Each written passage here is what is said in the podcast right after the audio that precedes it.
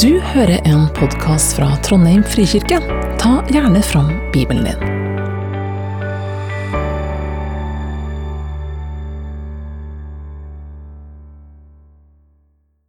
Jeg leser fra Lukas 4, 31-37. Jesus tok veien ned til Kapernaum, en by i Galilea.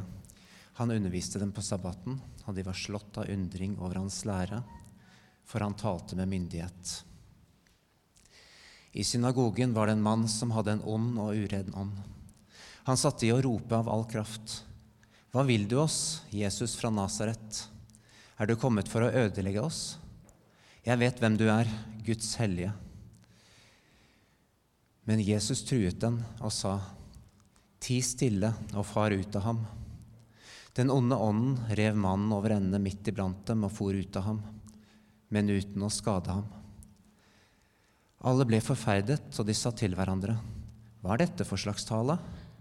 Med makt og myndighet befaler han de urene åndene, og de farer ut. Og ryktet spredte seg, ryktet om ham spredte seg overalt i omegnen. Takk skal du ha, Bernt Harald. Det er litt av en tekst. Og nå er vi alle her, framfor Guds nærvær, klare til å lytte til det Herren har lagt på hjertet ditt, Lise. Vær så god. Jeg si tusen takk for uh, nydelig tekstlesing, Bernt Harald, og for dere som sang. Var, I dag så tok jeg på meg maskara, og det skal jeg aldri gjøre før en gudstjeneste. For det, det, Linsene blir veldig veldig klissete, og jeg ser dere knapt. Men jeg vet at dere sitter veldig langt unna, så kan jeg få en gjeng her framme. Vær så snill, kan ikke dere komme og bli med og gjøre dette til en mulig tekst å snakke om? Kom igjen. tusen. Kan vi klappe de frem, de som flytter seg? Tusen hjertelig takk. Vi har altså kommet til femte episode i TV-serien om The Chosen i sesong to. Og teksten som vi hørte, er fra Lukas 4, 13-17. Nei, 31-37. Hvis dere vil slå opp i egen bibel. Men jeg må bare si det tydelig. Jeg liker ikke onde ånder. Ja, sant? Takk! Nå har jeg fått sånn amen corner her nede. Eh, jeg liker ikke tanken på onde ånder engang. Og jeg liker ikke å se på utdrivelse av onde ånder på film. Jeg syns det er ubehagelig, og det minner meg om skrekkfilmer som jeg ikke tåler å se på. Og så minner det meg om epilepsianfall, som jeg har sett altfor mange av. Så jeg må innrømme at eh, jeg måtte manne meg opp til å se denne episoden av The Chosen. For jeg utdanna meg til fysiker av en grunn. Jeg liker å forstå ting, jeg liker kontroll, og jeg liker ikke å bli skremt. Er det noen som er? Ja, sant? For livet er jo hardt nok uten, tenker jeg. Men når vi leser en bibeltekst som utfordrer oss, så kan vi alltid starte med Jesus. Vi kan se på hvem han er, og hva han gjør, og hva han sier. Så kan vi prøve å legge vekk de her andre tingene som forstyrrer. Og se på teksten som om det var første gang. Og Her står det da i Lukas 4,31 at Jesus tok veien ned til Kapernaum, en by i Galilea. Og Kapernaum det er denne fiskelandsbyen oppe i en av Galileasjøen der Peter og disiplene hadde base en god stund. Vi vet at Peter og kona bodde der, bl.a. Og så står det at han underviste dem på sabbaten og de var slått av undring over hans lære, for han talte med myndighet. Så hva vet vi? Vi vet at det er sabbat, altså tida mellom fredag kveld og lørdag kveld. Og Jesus underviser i synagogen, og det var for så vidt ganske vanlig på den tida. Og dette er helt i starten på Jesus sin tjeneste. Og I Markus sin versjon av denne historien, som dere finner i Markus 1, så står det alle var slått av undring over hans lære, for han lærte dem med myndighet og ikke som de skriftlærde. Og her ble jeg litt nysgjerrig. Hva, hva var det med de skriftlærde som gjorde at liksom, Hvorfor er det forskjell her på Jesus og dem? Og Da sjekker jeg Biblehub, som er en sånn flott nettside for alle som trenger å ha bibelkommentarene samla. Og Der lærte jeg bl.a. det at de skriftlærde hadde som oppgave å kopiere, og lese, og studere, og forklare og beskytte loven og tradisjonene. Det var det de gjorde. Så når de underviste, så sa de hva rabbi Hillel og rabbi Shamai hadde sagt og mente om ting. Så kunne de holde på veldig lenge, for de måtte jo få med seg alle referansene. og det kunne bli litt kjedelig. Men Jesus han talte med myndighet. Og Det betyr at han sa ikke 'dere har hørt det sagt', men han sa 'jeg sier dere'. Jeg sier dere. Her kom det altså en som taler på eget mandat. Han er Guds sønn. Han er et menneske ledet av Guds ånd. Han hadde noe nytt å komme med. Og det var nok merkbart, for det står at de ble slått av undring. Kanskje de så på hverandre, de som hørte på, og sa Wow, hva er det som skjer? Hva er det vi er med på? Noe nytt var på gang.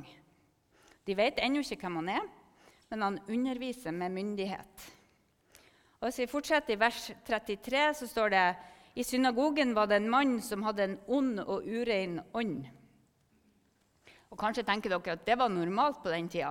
Men det var ikke det, fordi at jødene de trodde at på sabbaten så eh, hadde, jød, eh, hadde Nei, skal vi se. Jødene trodde på at Satan og alle de ureine åndene de flykta opp på mørkets fjell på sabbaten, og så kom de ned igjen på kvelden. Det var da du måtte være obs. Men på sabbaten, som var en hellig dag, så hadde du ikke noe stor fare for at det skulle komme noe ureint inn iblant deg. Så, så, så, står det da altså at midt i synagogen var det en mann som hadde en ond og urein ånd. Han satt i og ropte av all kraft. Hva vil du, Jesus fra Nasaret? Er du kommet for å ødelegge oss? Ser dere at det er flertall? Det er veldig ofte det når onde ånder taler. De er sjelden alene. Du, er du kommet for å ødelegge oss? Og så er det en av dem som snakker. Jeg vet hvem du er, Guds hellige. Men Jesus trua dem og sa, ti stille og far ut av ham. Den onde ånda rev mannen over ende midt iblant dem og for ut av ham, men uten å skade ham. Ser dere at ånda vet hvem Jesus er? De som hører han tale, de vet ikke ennå, men ånda vet det. Du er Jesus fra Nasaret, Guds hellige. Og Jesus' sin reaksjon det er å be han om å tie stille og fare ut. Jesus har makt og myndighet til å fri mannen fra den onde ånda. Og så gjør han det helt uten å skade mannen. Er ikke det en fin detalj? For ut han uten å skade han.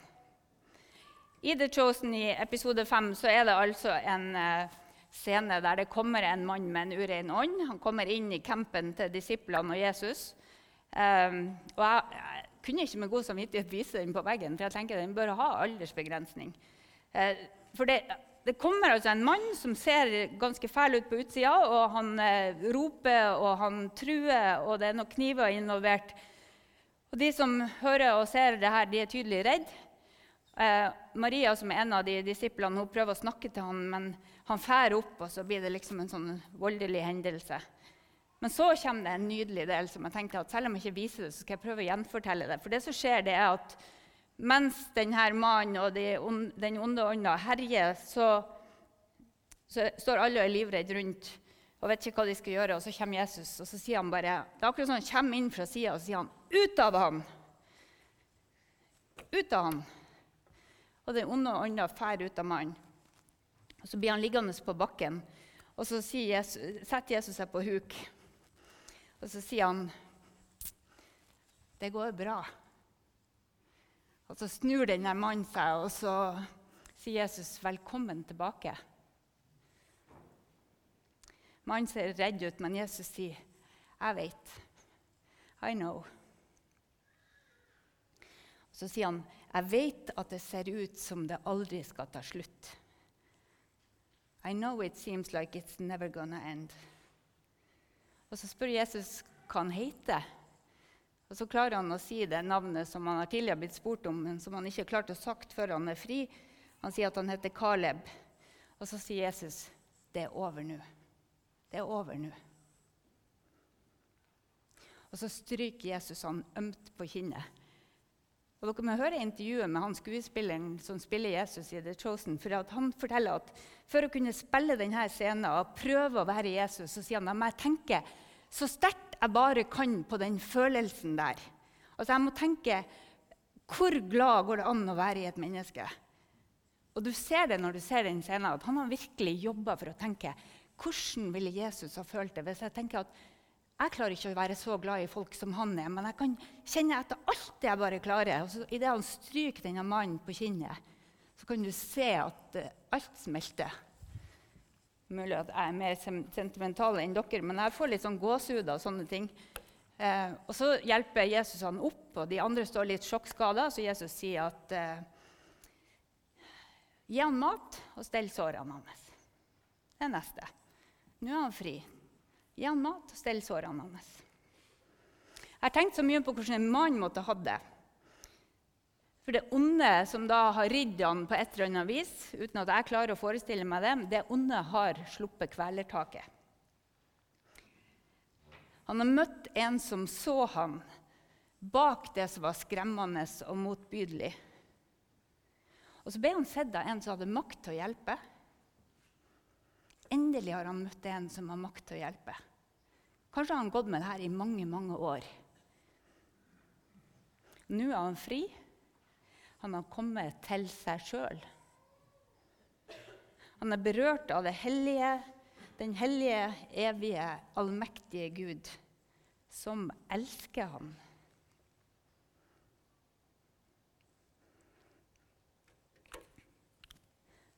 Så hvis vi skal prøve å oppsummere det som har skjedd, så Jesus ser ham, Jesus elsker han, Jesus setter han fri, og han reiser han opp igjen. Dette ser vi om igjen og om igjen når vi leser evangeliene. Jesus ser, han elsker, han setter fri, og han reiser opp. Han har makt og myndighet både i tale og i handling.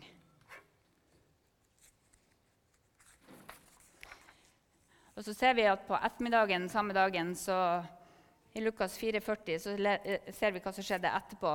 Ved solnedgang kom alle til ham med sine syke. For nå vet de jo hvem han er. Nå vet de jo hva han kan gjøre. Nå kommer alle til ham med sine syke, som hadde mange slags plager. Han la hendene på hver enkelt og helbreda dem. Det for også onde ånder ut av mange, mens de skreik og ropte 'Du er Guds sønn!'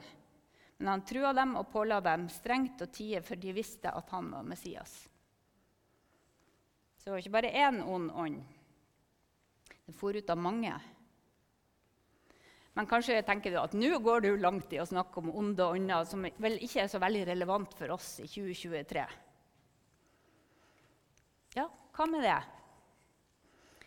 Helge, som er pastor her, han eh, fortalte om en gang da han jobba for biskopen i Stavanger. Og så hadde de to eh, prester fra Madagaskar som kom på utveksling til, til Stavanger.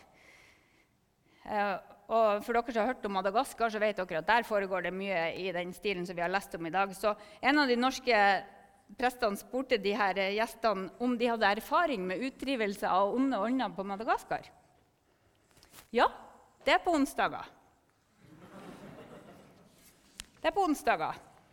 For dem så var det helt naturlig, og like selvfølgelig som bønn for syke og tale i kirka og synge lovsang. For de så onde ånder herje overalt. Det ødela folks liv. Og Da en av de norske prestene spurte om, de, om de syntes det var rart at vi så så lite onde ånder i Norge, i hvert fall ganske sjelden, da, så svarte de gassiske, altså de prestene fra Madagaskar, at nei, her i Norge så er det jo mange som er tegna med korsets tegn, og som er blitt bedt for, og det ligger mye beskyttelse i det. Og dessuten sa de djevelen er jo ikke dum. Djevelen er jo ikke dum. Det er jo bedre for djevelen at nordmenn er materialister og individualister, enn å gjøre folk redd for onde ånder, for da ville de bli skremt og kanskje søke Jesus og bli kristen. Djevelen er jo ikke dum. Interessant reaksjon, syns jeg. Og Bibelen og Jesus sjøl er tydelige på at det er en kamp mellom det gode og det onde i verden. Og den ser litt forskjellig ut. Men dere må huske at dette er ikke en kamp mellom to likeverdige krefter. Noen ganger tror man det. Du har Gud, og så har du djevelen, og så er de likeverdige. Men la det være helt, sagt, helt klart fra starten. Jesus har vunnet over døden og alt det onde. Vi vet hvordan denne filmen ender. Jesus har vunnet. Det gode er sterkere. Det føles jo ikke sånn. Og Det ser ikke sånn ut, men Guds rike kommer, og det kommer i to faser. På den ene sida er det midt iblant oss, og på den andre sida skal det fullt og helt åpenbare seg ved tidens slutt. Så Guds rike er sånn allerede her, men ennå ikke. Det er allerede her, men ennå ikke. Så ondskapen har fortsatt makt i verden. Og Det ser vi jo tydelig der det er krig og konflikt, men jeg trenger jo ikke gå lenger inn i meg sjøl. Jeg sleit så innmari i går etter at jeg hadde skrevet denne talen. Og så, og så kommer alle angrepene i meg som er sånn her Det her er ikke godt nok. Det her er jo bare banale ting. Det her er jo ikke interessant for noen. Så den kampen mellom de som vil trekke oss bort fra Gud, det er helt reelt. I hvert fall i meg. Kampen er helt reell. Og Kanskje var det derfor Jesus lærte oss å be la oss ikke komme i fristelse, men frels oss fra det onde. For riket er ditt, og makta og æren evighet. Så vi vet at ondskapen taper til slutt. Og For å se hvor jeg har det fra, så kan vi lese Kolosserne 1,13, der Paulus skriver For han har fridd oss ut av mørkets makt og ført oss over i sin elskede sønns rike. Guds rike vokser frem, lysets rike. Og det er der vi hører hjemme. I Kolosserne 2,15 så sier Jesus han kledde maktene og åndskrefter naken og stilte dem fram til spott og spe da han viste seg som seierherre over dem på korset. Jeg syns det er kult det der. Kledde av dem. Spott og spe. Han vant. Det ingen tvil om hvem som har vunnet. Og For å toppe det, da, så når Jesus tar avskjed med disiplene sine, så sier han jeg har fått all makt i himmelen og på jorda. Jeg har fått all makt i himmelen og på jorda. Gå derfor og gjør alle folkeslag til disipler. Døp dem til Faderens og Sønnens og Den hellige ånds navn, og lær dem å holde alt det jeg har befalt dere. Og se, jeg som har all makt i himmel og på jord, jeg er med dere alle dager inntil verdens ende. Det er oppdraget disiplene fikk, og det er det oppdraget vi får. Så får vi altså lov til å leve lag med Han som har all makt i himmel og på jord og som er med oss alle dager. Men så lever vi i mellomtida. Mellom Jesus i første komme og når Jesus skal komme hjem igjen og skape en ny himmel og en ny jord. Og Det er jo her livet vårt er, i mellomtida. Og I mellomtida så kan det føles som vi blir slått i bakken av både det ene og det andre. Det kan føles som det aldri tar slutt. Hvor står kampen i ditt liv? Dette er ingen håndsopprekning. Du skal slippe å svare. Men jeg tror at en av de viktigste tingene jeg kan gi dere, det er en mulighet til å tenke og være sammen med Gud. Så hvor står kampen i ditt liv? Tenk litt på det. Og har du ingen kamp, så kommer du til å få det. Men nyt at du tar det med ro i dag. C.S. Lewis uh, har skrevet det her. Bare de som prøver å motstå fristelsen, vet hvor sterk den er. Vi oppdager ikke styrken til den onde impulsen inni oss før vi prøver å bekjempe den. Og Kristus, fordi han var det eneste mennesket som aldri ga etter for fristelsen, er også det eneste mennesket som vet til fulle hva fristelse betyr. Han er den eneste virkelige realisten.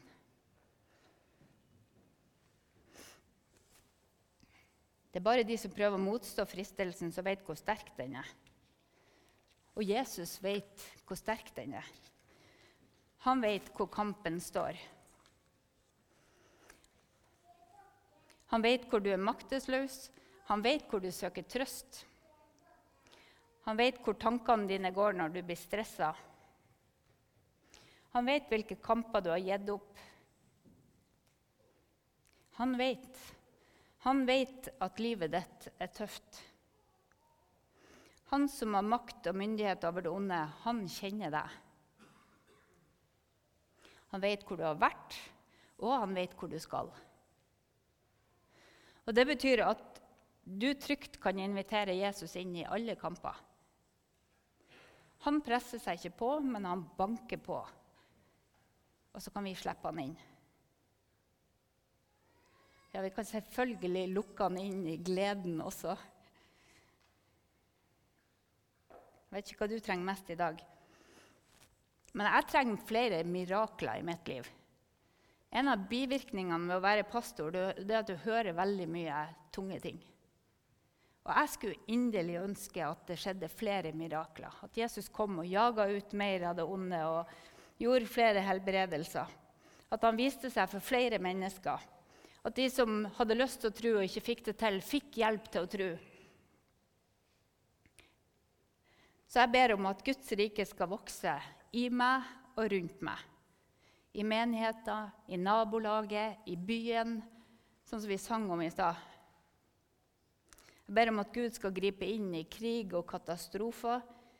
Jeg ber om at verdens ledere skal få øynene opp for Jesus og begynne å følge ham. Tenk hva som kunne skje da.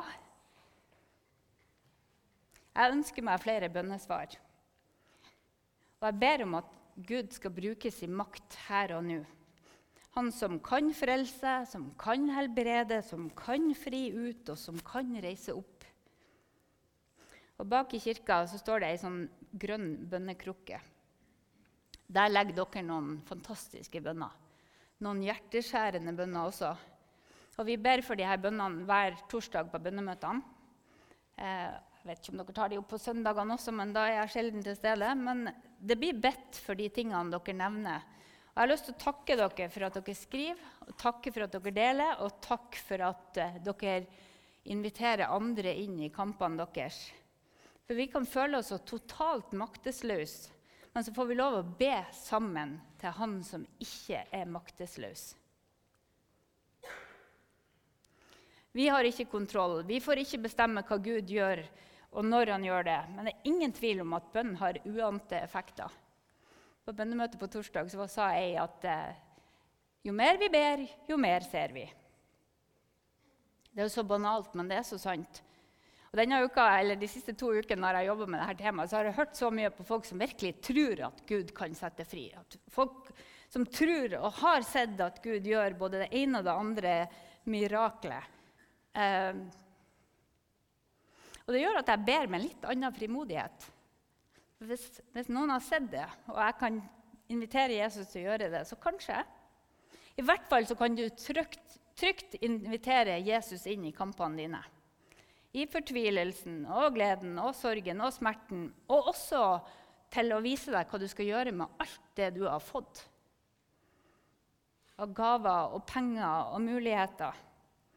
For Jesus han er den samme i dag som han var i denne synagogen i Kapernaum. Han har makt og myndighet. Og han elsker deg.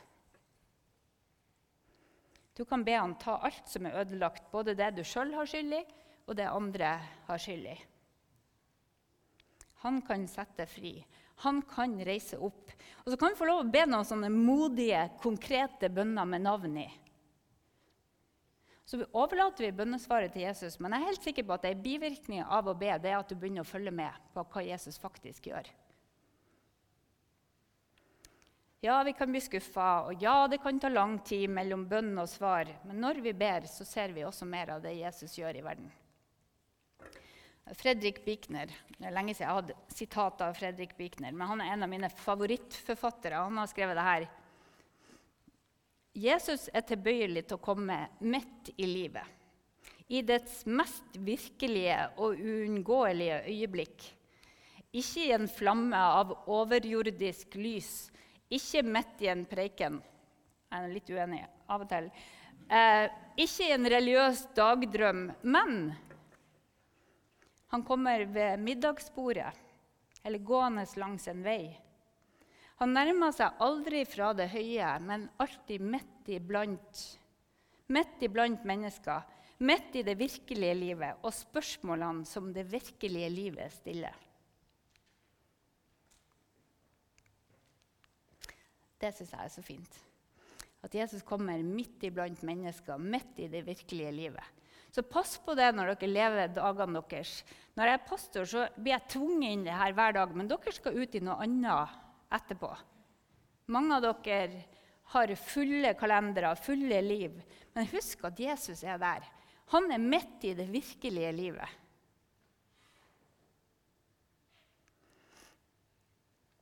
Han viser seg midt i kaoset, midt i strevet, midt i alt. Det står at han vil holde måltid med deg. Tenk deg at du satt på kafé med Jesus. Og Så vil han minne deg om hvem du er, og hvem han er, og hva han har planer for deg. Og han vil hjelpe deg i de daglige kampene. Og så En måte som kan være til god hjelp i hverdagen, det er jo å lære seg bibelvers. Og fylle på med sannhet som kan dukke opp når du faktisk trenger det. Og I The Chosen så driver Maria og lærer Rema eh, et vers fra Salme 139. Bruker masse tid på det her gjennom, gjennom denne episoden. Så jeg skal lese det hele, eller i hvert fall de første 18 versene av Salme 139. Så kan dere prøve å, å høre etter. Er dette sannheten du trenger å bli minnet om i dag? Herre, du ransaker meg, og du vet. Du vet om jeg sitter eller står. På lang avstand kjenner du mine tanker. Om jeg går eller ligger, ser du det. Du kjenner alle mine veier. Før jeg har et ord på tunga, Herre, kjenner du det fullt ut. Bakfra og forfra omgir du meg. Du har lagt din hånd på meg.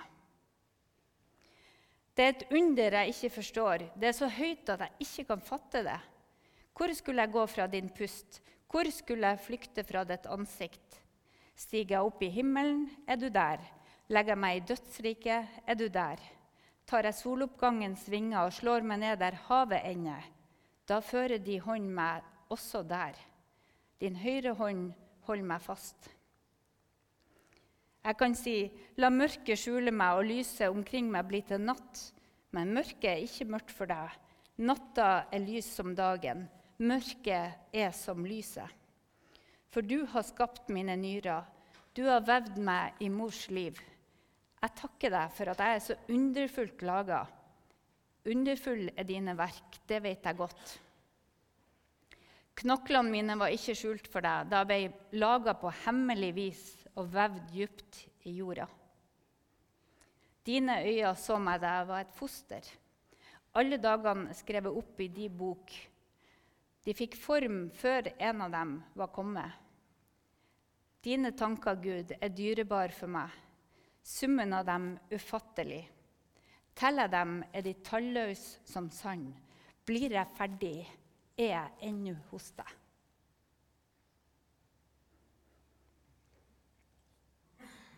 Det er nydelige sannheter som vi kan lagre i hjernen vår, sånn at vi har dem når vi trenger dem. For vårt liv, hele livet, er i Guds hender. Så venter vi på en dag da mørket skal bli borte, da lyset skal skinne overalt.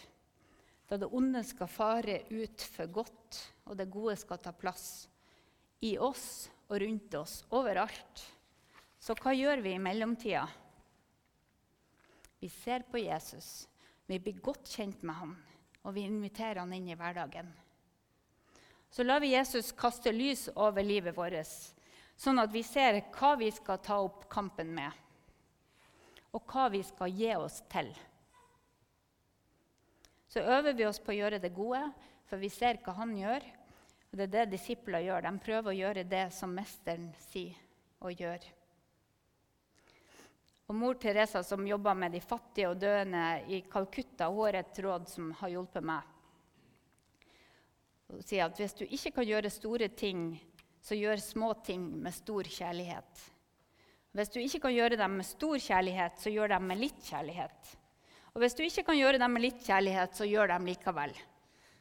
Kjærligheten vokser når mennesket tjener. For vi kan gjøre det her sammen med Jesus. Vi kan vokse i tjenesten, vokse i tro og kjærlighet sammen med Jesus. Skal be ei kort bønn til slutt, og den er fra Romerne 15, 13. Det er òg ei sånn bønn som man kan huske og ta med seg.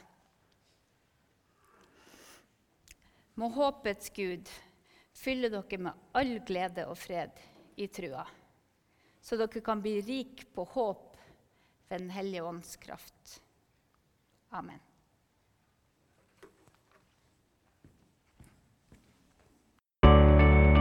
For at du hørte på. Velkommen til gudstjeneste søndager klokka 11. Mer informasjon finner du på trondheim.frikirke.no.